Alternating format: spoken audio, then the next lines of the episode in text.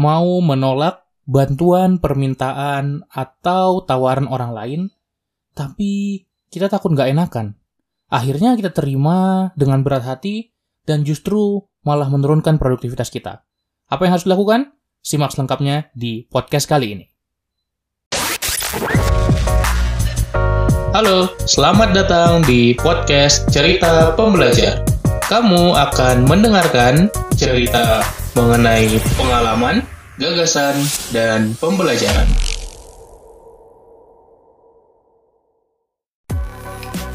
Cerita Pembelajar Season 9 Productivity Hacks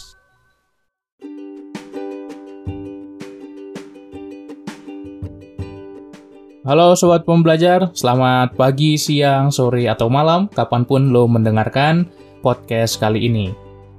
Kita akan bahas tentang gak enakan, akhirnya kita tidak bisa menolak sesuatu.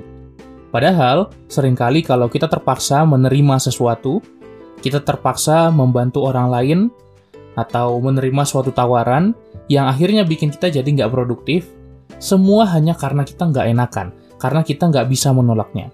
Nah, di sini gue akan kasih tiga step yang bisa lo lakukan untuk bisa menolak apa pun itu dan kepada siapa pun itu.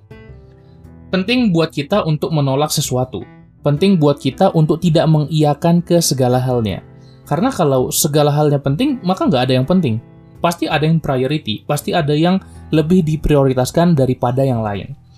Maka, supaya kita mau produktif, kita harus membiasakan diri untuk mengatakan tidak.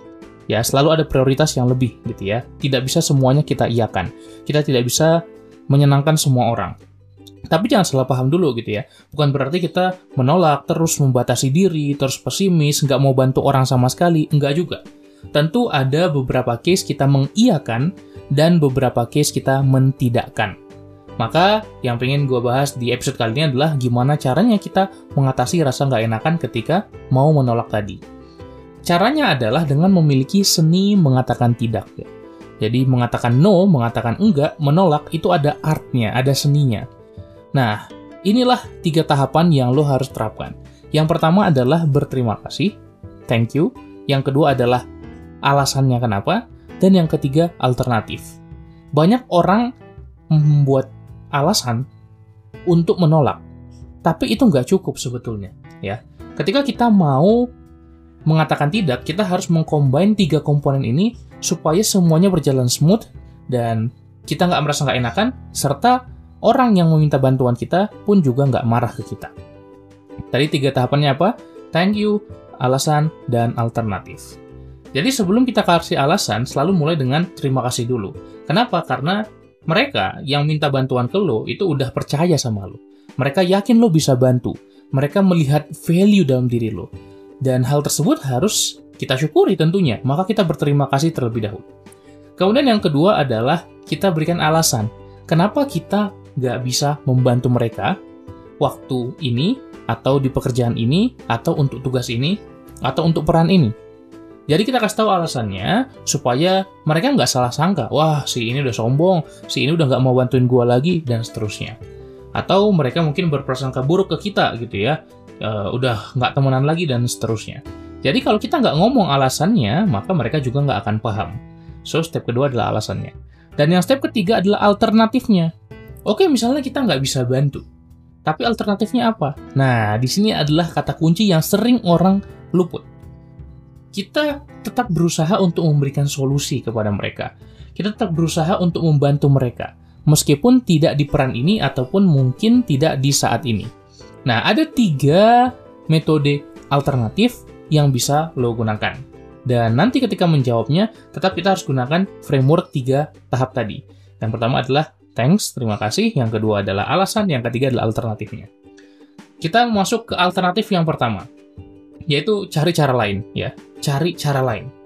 Mungkin aja lo bisa bantu memenuhi kebutuhan mereka dengan cara yang lain gitu yang tidak dibantu mereka yang tidak merupakan apa yang mereka minta lo bantu. Sebagai contoh misalnya gini. Lo adalah satu orang ya yang ada di komunitas dan lo diminta bantu untuk handle suatu bidang konten atau media misalnya nanti ada orang yang nyamperin kak kita sedang butuh desainer nih buat project baru di komunitas kakak bisa bantu nggak di bidang konten and media? Gimana? Kita jawab dengan tiga tahapan tadi. Thanks, alasan alternatif. Oh, sebelumnya thanks banget nih udah hubungin saya. Tapi untuk sekarang belum bisa karena lagi ada amanah di tempat lain. Kalau boleh tahu, ada nggak hal lain yang mungkin bisa saya bantu? Mungkin di bidang operasional atau di bidang finance, ya mungkin kalau di situ saya bisa handle. Jadi, kita bisa memberikan jawaban dengan tiga tahap lagi. Ya, tiga tahap tadi apa? Yang pertama, thank you. Sebelumnya, thanks banget udah hubungin saya, gitu ya contohnya. Yang kedua, alasannya, untuk sekarang belum bisa karena lagi ada amanah di tempat lain. Oke? Okay? Dan yang ketiga adalah alternatifnya. Kalau boleh tahu, ada lagi hal lain yang mungkin bisa saya bantu. Jadi, lo bisa melihat polanya tadi ya. Pola yang barusan gue sampaikan, kita menggunakan tiga step tadi, dan yang bagian alternatif, kita cari cara lain. Oke? Okay? Jadi, kita tetap memberikan solusi ya, peluang solusi at least gitu ya. Jadi kita tidak hanya bilang, wah enggak, gue nggak bisa. Oke? Okay? Kemudian yang kedua, alternatifnya adalah membantu lain waktu. Oke, misalnya kita nggak bisa bantu sekarang, karena kita lagi sibuk maybe, nah kita akan bilang kita bakal bantu di lain waktu. Misalnya teman kita bilang, di kantor kita diminta bantuan untuk ngerjain spreadsheet misalnya. Bro, bisa bantuin gua nggak ngerjain spreadsheet ini? gue disuruh bikin laporan keuangan nih sama bos. Kita jawab dengan tiga tahap tadi. Wah, terima kasih banyak bro tawarannya, dan makasih udah mau percaya sama gue juga. Tapi gue nggak bisa karena lagi padat banget nih kebetulan bulan ini. Mungkin gue bisa bantu, tapi mulai bulan depan atau minggu depan ya, gimana? Oke? Okay? So, ada peluang solusi gitu. Kalau misalnya kita bilang enggak, ya udah, stop di situ aja. Nah, kan gak ada yang tahu apakah spreadsheetnya harus diselesaikan bulan ini atau bulan depan. Ternyata kalau oh bisa bisa kalau bulan depan nggak apa-apa nggak semepet itu kok. Nah artinya kita membuka peluang-peluang solusi baru ya walaupun kita tetap mengatakan tidak. Oke kemudian yang ketiga adalah kita oper ke orang lain. Dan ini sah-sah saja gitu ya mungkin ada orang yang lebih capable dari kita atau orang yang pada saat ini mungkin untuk melakukannya contohnya begini Mas, kebetulan aku butuh bantuan nih di kepanitiaan gathering. Mas bisa bantu ambil peran jadi kadif acara nggak kira-kira? Oke, terus kita jawab dengan pola 3 step tadi. Wah, thanks banget nih udah nawarin dan udah trust ke gue. Tapi kayaknya gue kurang cocok deh di peran itu. Karena memang bukan di situ kapabilitas gue. Hmm, gimana kalau si Jaka aja? Kayaknya dia jago kok. Menurut gue dia lebih cocok buat ngisi peran jadi kadif acara. Oke, okay? so gue harap dari tiga contoh tadi, lo sudah mendapatkan polanya. Alternatifnya bisa tiga tadi. Yang pertama, kita bisa tawarin cara lain gitu ya.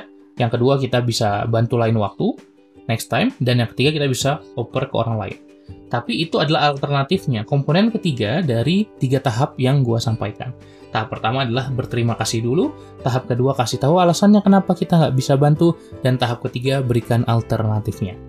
Semoga lo bisa menerapkannya, karena kunci dari podcast ini adalah bukan cuma lo dengar-dengar doang, tapi menerapkan apa yang lo dapatkan dari podcast ini lo belajar something, lo menerapkannya, dan it will change your life. So, itu aja buat episode kali ini. Semoga bermanfaat. Kalau lo suka, please bantu gue supaya lebih banyak orang yang tahu tentang podcast ini. Share ke story, ajak teman-teman lo untuk dengerin juga podcast cerita pembelajar. Itu aja, sampai jumpa di episode-episode berikutnya. Terima kasih, salam pembelajar.